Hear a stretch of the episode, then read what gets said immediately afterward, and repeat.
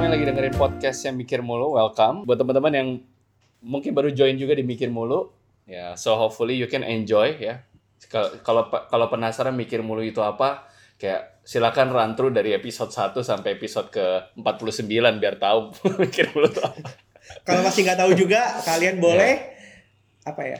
Nge-DM. Kita gagal kalau gitu. Iya, Kalau itu iya gagal. kan? Iya sih sebenarnya. Harusnya nggak mungkin lah, nggak tahu lah ya. nggak mungkin lah, nggak mungkin nggak tahu mikir mulu ya kan? Karena tujuannya adalah kalau dimikir mulu kita pengen mastiin semua topik dan pembahasan ini bisa ngebantu kalian bukan cuma buat mikir, karena kalau mikir mulu kapan? Collectionnya, betul. Nah dan hari ini kita ngomongin sama salah satu uh, entrepreneur, nggak entrepreneur sih ya, gue bilangnya multipreneur, serialpreneur, dengan ya fo- foundernya dari mikir mulu juga, yaitu Bapak William Sudana. Yes. Ya, Will. Kita kita mau ngobrol-ngobrol tentang hal yang menarik ya di kita sepanjang 2020 ini udah banyak banget mengalami ups and downs. Kayaknya dari Ya. sisi dari sisi buat teman-teman yang ngerasa mungkin bekerja atau enggak punya usaha gitu. 2020 ini tantangan banget ya nggak sih? Ya, Mhm. dari dari yang bekerja mungkin banyak yang kena PHK kayak gitu. Mungkin gajinya dipotong tapi pekerjaannya juga berkurang. Sedangkan Ya. yang bikin usaha juga harus ngalamin banyak tantangan banget sih dari mungkin mereka harus tutup usahanya atau mau ekspansi tapi bingung gitu. Ini yang kita bahas hari ini sih lebih ke bagaimana sikap kita mengambil keputusan dalam Mhm. kita ber- berusaha nih. Nanti kan Betul. Ricci juga bisa nambahin dari sisi visi gitu kan karena sekarang kan happening banget nih usaha-usaha di- disupport sama visi gitu kan. Kira-kira faktor-faktor apa yang akan menentukan di pandemi Mhm. ini kita mesti lanjut usaha atau enggak kayak gitu. Oke, oke. Nah, mungkin gue dapat pertanyaan pertama kali ya, Will ya. Karena kan ini terkait dengan lo juga yang Ya. sebetulnya memba bisa dibilang baru mulai bisnis di masa pandemi kan. Ya, Dan ah, ah, ah. sebenarnya dia bilang di awal-awal pandemi banget enggak, which is mungkin sekitar sebulan dua bulan lah ya, sebulan dua bulan lah Agustus lah. ya kan? Nah, oke, pertanyaan gue yang pertama, ya, ini gue nanya nih ya, Em, kenapa mesti bikin bisnis, Will? Kayak Fosfoyer emang nyangkut Will billingnya Will? Bukan, bukan, bukan. ini tuh bukan buk- nggak ada hubungan sama Fosfoyer sebenarnya. Jadi oh, ada ini ber- ber- ya, ya. ada, ini beda, beda. Jadi ini berawal dari awal tahun sebenarnya. Ini family Hmm. business yang harus gua lanjutkan kayak gitu. Oke. Gitu. Jadi ini family business yang memang udah bergerak selama 8 tahun, Ci. Hmm, Kita fokusnya tuh di industri perahu karet, industri marin gitu, perairan, terus kayak alat-alat permainan air, water tubes gitu. Ya. Karena pandemi, hmm. ini yang, yang memungkinkan kayak wow semuanya tutup kita nggak bisa jualan sedangkan biasanya kan kalau misalnya kita ngomong ya peaknya tuh antara lebaran kalau nggak natal gitu kan jadi Betul. ya kita udah order banyak tuh inventory numpuk semua segala macam sedangkan kalau misalnya di look back lagi kondisi keuangan perusahaannya juga juga nggak bukan yang sehat-sehat banget gitu Hmm. jadi karena kondisi itulah akhirnya kayak kita kita mikir gimana ya caranya kita bisa survive dengan Mhm. produk yang covid proof, yang lebih Hmm. covid proof kayak gitu makanya itu yang akhirnya memutuskan ya kita mesti berinovasi beradaptasi dengan apa yang kita punya. Ya. Kira-kira kita bisa convert dan pivot jadi apa nih gitu. Oke, tapi bukannya justru kalau lu lihat ya, maksudnya gini, em, banyak gue perhatiin mereka-mereka yang ada nih yang mulai bisnis, tapi entah itu nerusin, entah itu kepepet. Jadi lu mulai ini karena lu kepepet, atau karena emang lu udah planningin, jadi kayak oke, kayaknya gue udah evaluasi selama 8 tahun family business gue making gak works, jadi kayaknya kita mesti shift gear, Yes, atau itu ada sal- kepepet. ada salah satu analisa seperti itu juga gitu. Hmm. Dari 8 tahun itu eh kalau misalnya kita lihat making money making money, tapi Mhm. ada kesalahan-kesalahan finansial yang terjadi di situ. Oke. Yang harus mau nggak mau kita solve nih gitu. Hmm, Karena kan balik hmm, lagi ya itu kan eh, bisnis keluarga. Kadang-kadang Ya. untuk pengambilan keputusannya juga sangat subjektif gitu. Ya kan Hmm. dan dari keseluruhannya ya juga nggak bisa ngapa-ngapain gitu seluruh kayak karyawan-karyawan nyokap mertua gue juga nggak bisa ngapa-ngapain ketika ya big boss udah ngomong A ya kan jalanin dong kayak gitu Hmm, hmm, gitu hmm, dan hmm, setelah hmm. dianalisa lagi ngelihat ternyata ya ini saatnya lah ya gue belajar bahwa pandemi ini ngajarin kita untuk melihat sesuatu dengan angle yang berbeda pada akhirnya kita ya dipaksa untuk berinovasi dan Hmm. ngerapiin bisnis modelnya gitu Oke, oke. Tapi kalau lu ngeliat keadaan sekarang ya, maksudnya em, apa yang membuat lu berani untuk akhirnya kayak oke kita mesti mulai.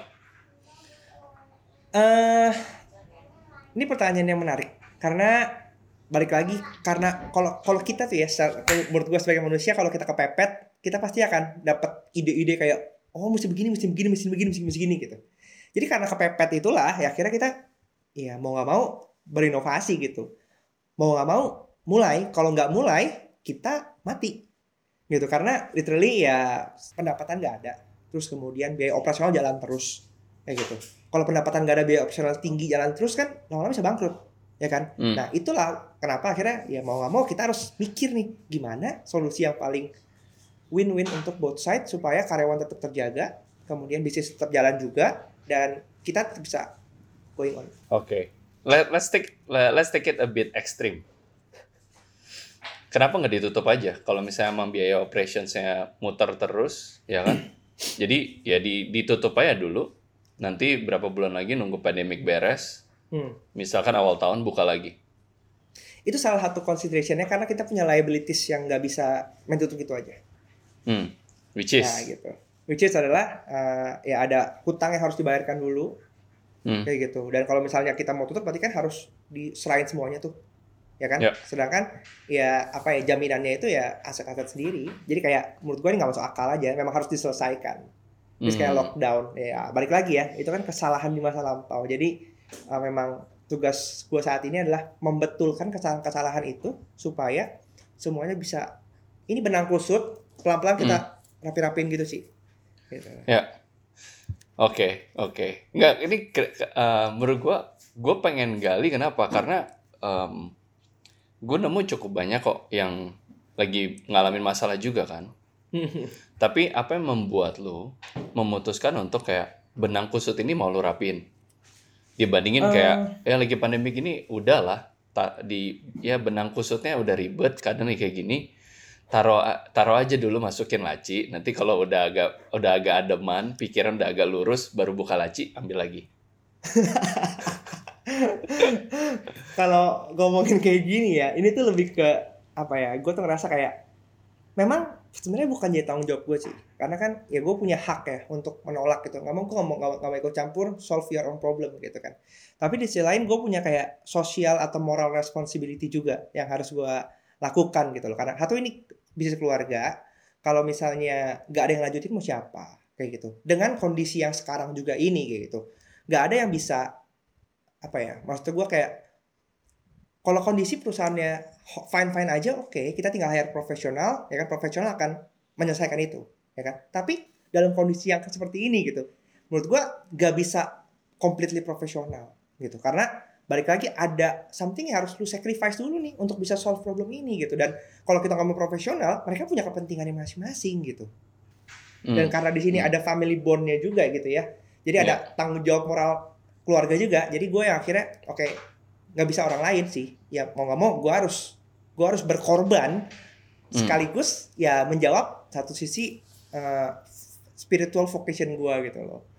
Bahwa satu gue emang suka suka ma- suka creating ini kan part of gue creating nih ya kan Hmm. bongkar sana bongkar sini betulin sistem semua segala macam dan ya mungkin ini one way untuk menunjukkan bahwa tujuan hidup gue ya ini untuk mencari tantangan baru belajar hal baru lagi dikasih beban yang baru lagi dan kalau misalnya gue bisa melewati ini gue akan naik level kayak gitu Ya, ya, ya, ya. Ini ini nyambungnya agak-agak ke family business ya sebetulnya ya. Karena dulu Betul, kita iya. kita, kita dulu sempat pernah bahas ya. Gua nggak eh, gua nggak mau perpanjang ngomongin soal family businessnya. Tapi karena ini berhubungan sama pandemi gitu ya. Satu pertanyaan sebelum kita ngomongin soal bisnis lu nih adalah gimana cara lu bisa yakinin keluarga lu untuk akhirnya kayak yaudah deh kalau menurut gue begini begini begini begini kita ngelakuinnya begini begini ya jadi gimana lu bisa caranya ya praktikal ya kayak jangan kayak diputar-putar gini kayak karena tadi udah jelas bahwa lu drive-nya adalah balik lagi it's, it's your family lu mesti support. terus sekarang nih ngomongin kayak mungkin juga gue yakin nih yang lagi dengerin kita juga pasti mikir kan kayak iya ya family business gue juga pasti kena gitu. Tapi gimana lo bisa convince parents lo untuk akhirnya ngebayang kayak kita mesti lanjut menurut gua lakanya begini begini begini begini begini. Dan lo harus terima I make an offer that you cannot even refuse. Oke, oke, oke. Yang satu gue lakukan, gue buka laporan keuangan. Jadi Hmm. kita ngomong berdasarkan data. Karena itu penting. Kadang-kadang kita ngomong dari sisi, mungkin kita orang marketing gitu ya. Kita ngerasa kayak, oh ya feeling gue kayak gini nih. gitu. Tapi gue enggak, kita ngomong berdasarkan data nih. Dari data ini, apa yang making kita profitable, apa yang enggak, kondisi keuangan kayak gimana, gimana kita bisa bertahan, dan alur-alur sol, pro- apa solusi itu dari mana aja. Kayak Hmm. gitu. Dari situ eh, baru gue turunnya ke dalam plan-plan strategi-strategi gitu kan. Apa yang mesti kita lakukan nih? Kita mesti dapat revenue stream dari mana nih? Utang ini kita mesti bayar kayak gimana nih? Kayak gitu. Dan yang paling penting lagi adalah gue sama sekali tidak merepotkan nyokap mertua gue, nyokap gue gitu ya. Ketika masalah itu datang. Jadi gue Hmm. mencari solusinya sendiri Hmm. kayak gitu. Even kayak misalnya kalau dulu ya kayak oh nggak punya uang nih, oke nanti mama pinjemin dulu deh ke siapa untuk diputar kayak gitu kan. Nggak. No, gue nggak gue nggak sama sekali hal itu. Jadi salah satu strategi gue adalah kita udah punya utang, oke, jangan menambah hutang lagi Mhm. untuk sesuatu yang tidak bisa kita bayar gitu. Kayak gitu. Jadi kayak ya udah mau bagaimanapun caranya, gue cari cara sendiri untuk bisa menyelesaikan masalah itu. Jadi kalau misalnya nanti eh, nyokap gue komplain ini begini gini gini gini satu, aku nggak ngerepotin mama untuk nambahin beban-beban semua segala macam, ya kan? Hmm. Gue selesain semuanya sendiri dengan cara gue dengan tidak menambah lubang makin dalam lagi kayak gitu. Hmm. Jadi dengan proof seperti itu, ya mereka tahu dong. Oh iya ya, emang dia tahu lah mesti dia dia, dia tuh mesti ngapain kayak gitu. Nice. Cukup jelas ya berarti ya. Jadi balik lagi ngomonginnya balik ke data. Kalau misalnya emang ternyata oke ya keuangannya ada ini ini ini ba- balikin lagi nggak nambah beban sebagainya bisa dapetin revenue stream baru malah justru bagus ya. Ya, ya, Dan ya. makanya akhirnya lu mutusin untuk bikin new line yes, new line. PDYM. PDM.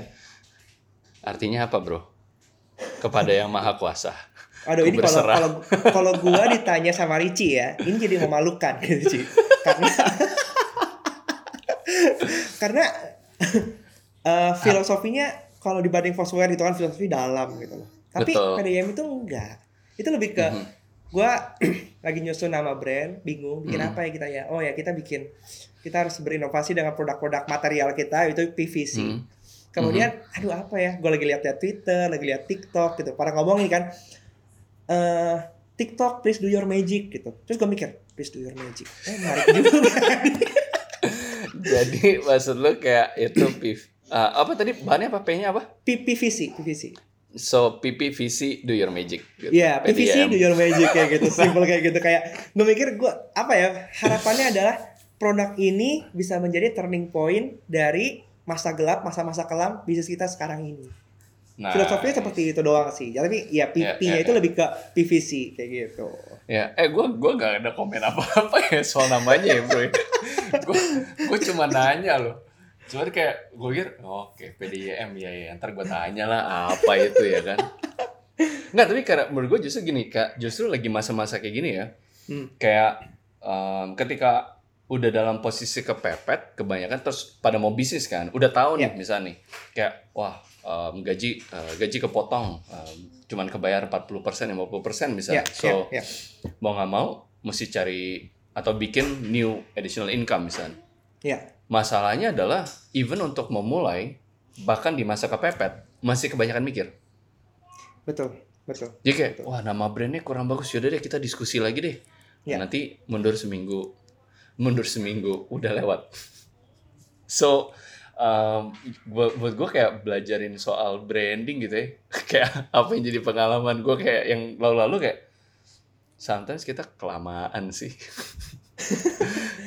Kayak sih, kebanyakan mikir kayak merumuskan mana yang paling bagus karena kan basically ya kalau kita ngomong branding kan reputasi yang mau kita bawa bukan cuma setahun dua tahun tapi kan selamanya sebenarnya gitu kan ya, kalau ya, kita ya. salah pilih nama di depan kan itu kan merefleksikan tentang image positioning dan lain-lainnya gitu kan sih sebenarnya kan betul betul betul. Hmm. Dan menurut lu kalau ya setelah lu jalan ya dua bulan dua bulan kan ya Will kurang lebih kan? dua, dua bulan ya ya Eh, Ya kan? Hampir dua bulan ya hampir dua bulan Dua bulan itu dari launching kan.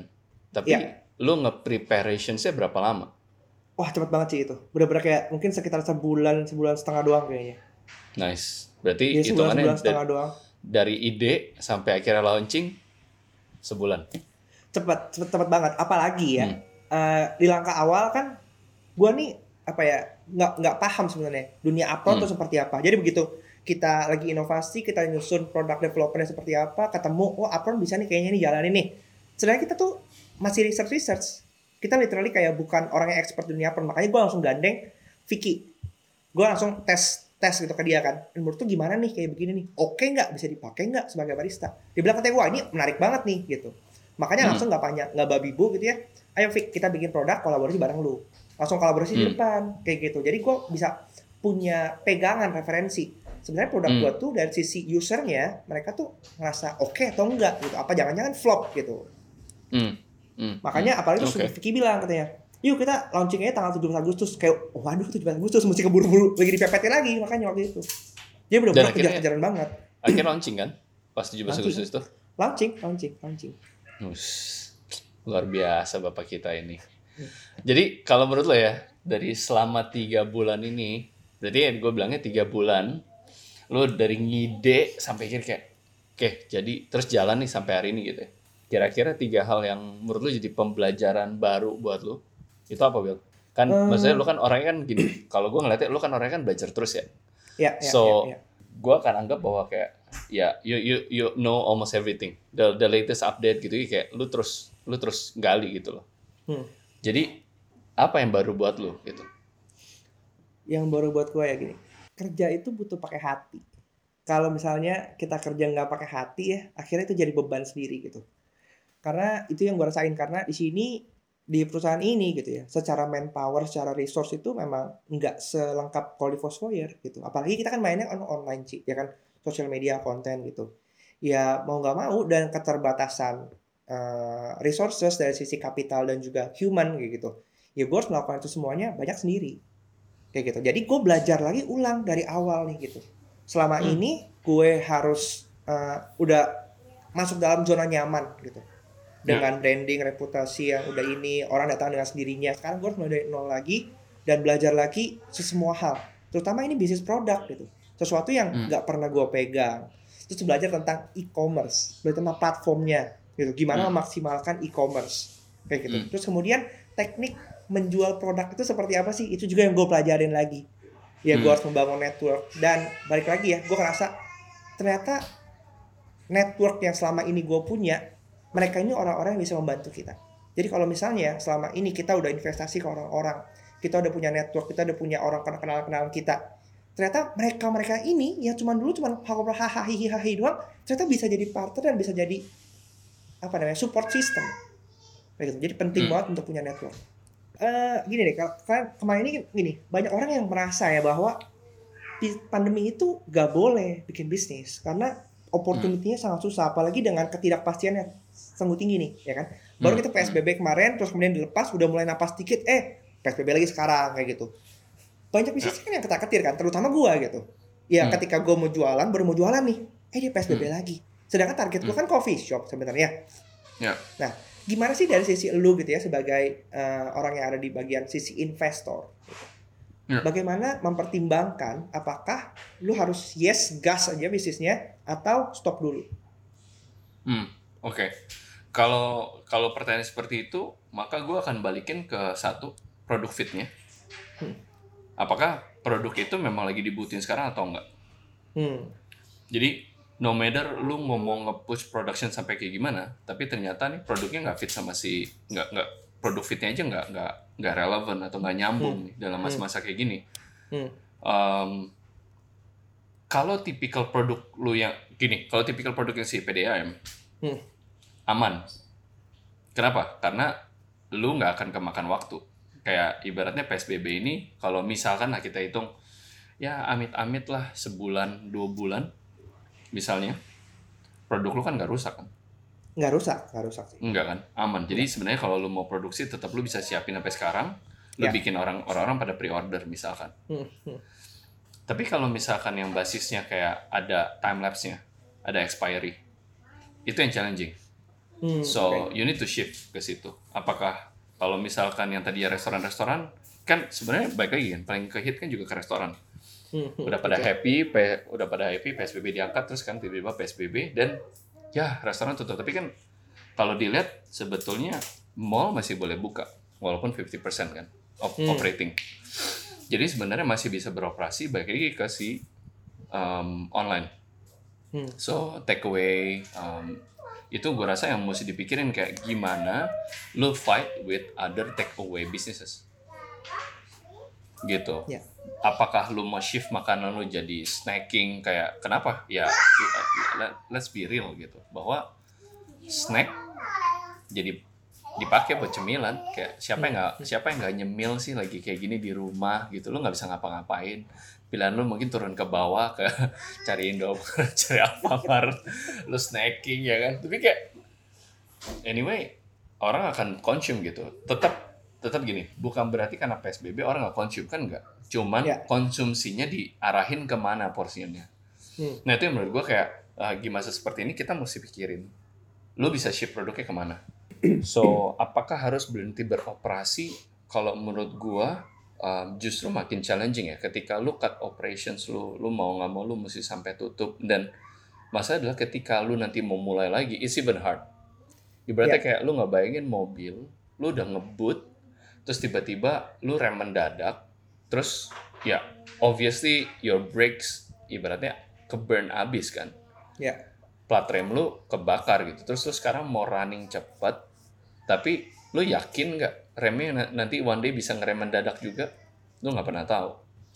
So better sekarang bukan rem mendadak tapi drive slowly sambil nyari kayak oke gue mesti pindah haluan deh ke sini ke sini sambil explore um, it's indeed challenging tapi justru kalau lu stop menurut gua uh, that, that, that, that goes back to your mentality as entrepreneur Hmm.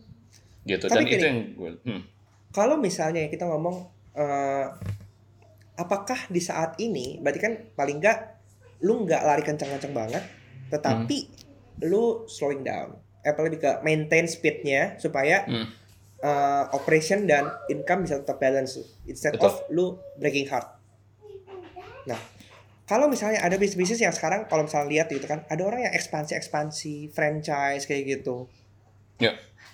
Dari sisi kacamata lu ya, apakah ini oke untuk mempunyai tim yang gendut atau sekarang ini udah modelnya itu kita keep tim yang small dan sisanya itu Hmm. lebih ke apa ya, lebih ke ngomong misalnya project basis atau gimana kayak gitu. ya Um, in, in this case sebenarnya karena udah mulai go go digital ya maksudnya Ya. kita ngelihat dengan ada PS dengan ada bukan PSBB lah gue karena ada si COVID-19 case ini maka kita ngelihat digitalization itu suddenly kayak accelerated terakhir uh, gue lihat tadi dari si punya uh, Facebook and Facebook Benco gitu ya Bain, Bain and Co Hmm. bahwa tadinya itu Southeast Asia kita tuh punya target 310 juta uh, digital online consumer itu Oke. by 2025 guess what it's achieved this year Oh.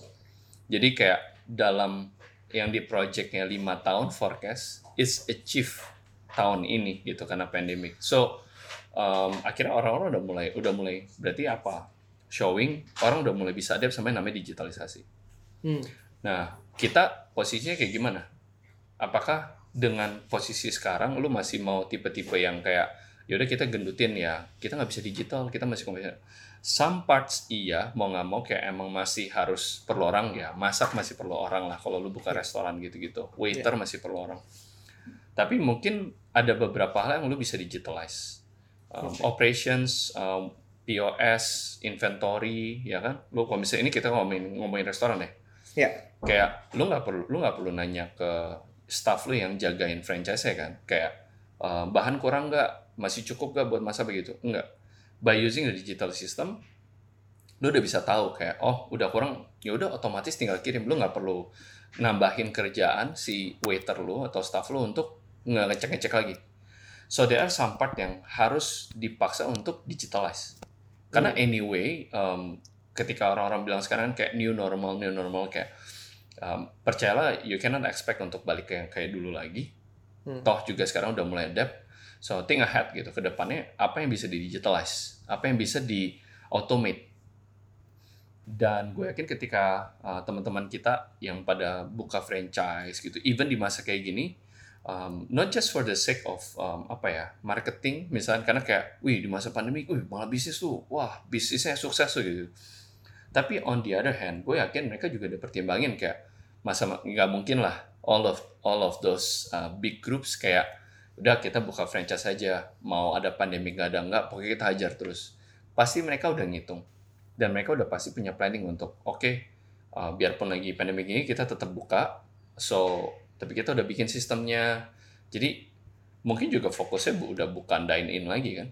Ya. pasti udah siapin take away uh, packagingnya kayak gimana um, terus termasuk kebijakan yang nggak pakai plastik lah yang kayak gitu kayak all of those small stuff tuh pasti mereka udah pikirin. So goes back to us gitu kayak ketika kita jadi bisnis ini kayak uh, di tengah-tengah pandemi kayak gini pertanyaannya apakah ini waktu yang tepat? I would say yes you have to moving forward.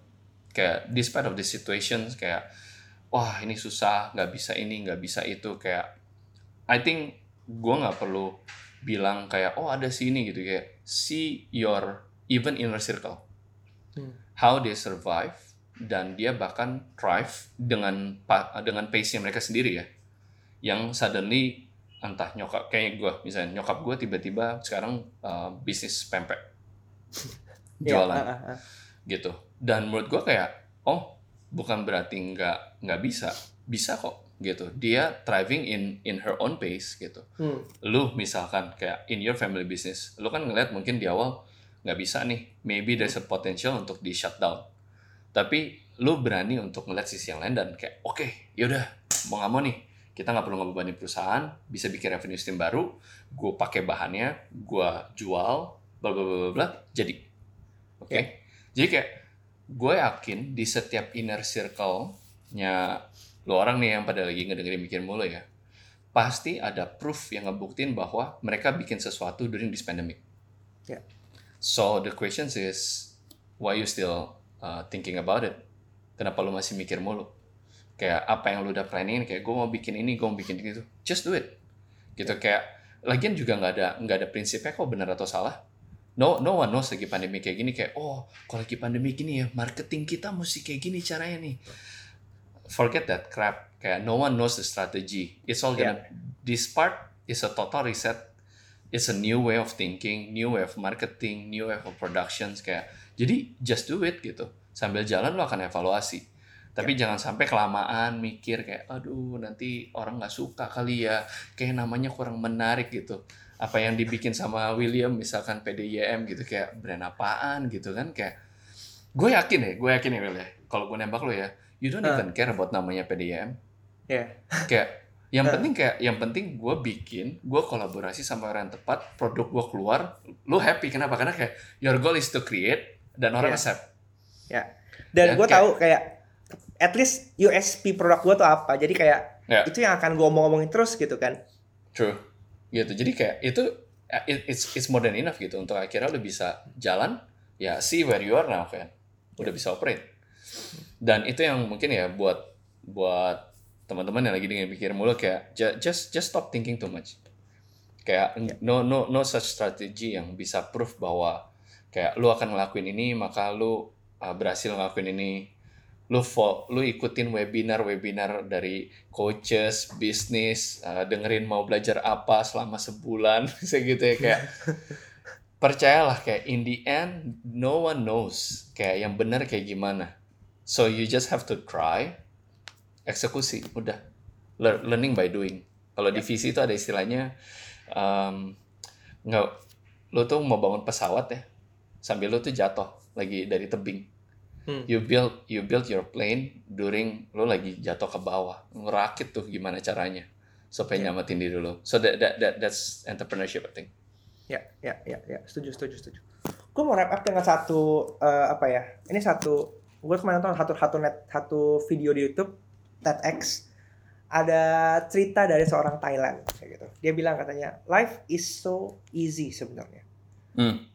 Ya kan? Society kita yang membuat kita tuh melihat bahwa hidup tuh susah ya. Kita harus achieve ini, kita harus achieve ini gitu. Bahkan dia cerita dalam ceritanya dia bilang untuk sukses lu tuh harus ke Bangkok gitu akhirnya dia ikutin tuh kan karena kata orang-orang gitu oh gua ke Bangkok oke pas di Bangkok gua kerja capek ngelihat kiri kanan orang kayak capek banget. Kenapa hidup gue susah banget ya gue tidur juga di tempat yang ini banget? Karena gue nggak punya uang untuk bertahan hidup kayak gitu. Akhirnya Hmm. dia kembali lagi ke kampungnya. Di kampungnya dia akhirnya menyediakan dia bangun eh, kebun. Ada 10 sta- 10 jenis sayuran di sana. Kemudian dia eh, punya apa namanya hewan gitu ya untuk ternak. Kemudian dia hidup dari situ. Makan setiap hari cukup dari kebunnya dia kemudian ada sisanya. Sisanya dia jual ke pasar dia dapat duit. Kemudian dari uang itu dia bangun rumah. Kayak gitu. Karena dia nggak tahu nggak apa-apa lagi bilang hidup gampang kok. Dengan segala macam yang gue punya sekarang ini di kebun makan gue ada makanan gitu. Mau daging gue ada ternak ya kan. Life is so easy. Kenapa kita ngerasa hidup kita susah? Kemudian dia akhirnya karena gue gak ada kerjaan di sini gue bangun rumah. Satu rumah gue setiap hari bangun rumah kayak gitu. Gue nggak punya duit. Karena duit duit gue habis buat bangun rumah. Tapi gue punya banyak rumah. Life is so easy. Jadi yang paling penting Hmm. adalah ya kita harus belajar bersyukur dengan apa yang kita punya. Mau apa pun kondisi kita itu disyukurin aja karena menurut gue hidup ini adalah sebuah tujuan gitu ya. Itu sebuah proses yang harus kita lewatin. Mungkin jalannya masing-masing itu nggak semulus itu tapi gue yakin setiap yang kita lakukan itu akan menambah value dalam hidup kita dan membuat kita lebih baik lagi sih itu jadi yang paling penting adalah nggak usah komplain nggak usah kebanyakan mikir dijalanin aja karena setiap jalan yang kita lakukan itu pasti akan menuju ke jalan-jalan lainnya yang membuka pintu lebih besar lagi Terima kasih sudah berbagi. Oke, jadi kita akhiri saja. Buat Ya. buat teman-teman yang mau jangan nanya-nanya mungkin habis ini. Jadi udah jelas ya tadi kalau kita dimikir mulu biasa kita kasih actionsnya. Yang pertama jelas jangan kebanyakan mikir. Boleh planning, ngitung-ngitung semuanya, pastiin semuanya benar dan langsung eksekusi gitu ya. Don't, don't think too much. Terus kemudian eh, tadi mungkin belajar dari William, coba usahain ada kolaborasi. Lagi masa-masa kayak gini justru jangan ngerem sendiri gitu ya, pusing sendiri. Ajak uh, uh, maximize your network gitu. Lakuin kolaborasi semaksimal mungkin sehingga itu jadi lebih cepat. Ya. And then yang ketiga, kalau misalkan apalagi ya tadi Will ya? Ada satu poin yang lo mau bikin? Eh, apa ya tadi yang belum ini Em, What Ya. will be the action item? Satu, tadi udah jangan planning oke, tapi jangan kelamaan. Yang kedua, kalau maximize your buat- network. kalau buat gue sih belajar hal baru dan jangan tertutup gitu loh terus beradaptasi karena eh, kondisi di sekeliling kita tuh akan terus juga beradaptasi jadi kalau misalnya kita nggak beradaptasi ya kita akan ketinggalan Nice. Dan kalau kamu ada pertanyaan langsung aja DM ke @mikirmulu ya, DM ke William, DM ke gua juga silakan. So hopefully ya sesi mikir mulu kali ini bisa menginspirasi kamu. Jadi lebih berani ya, jadi lebih berani, jangan kelamaan mikir karena kalau mikir mulu kapan, kapan actionnya? actionnya Bye.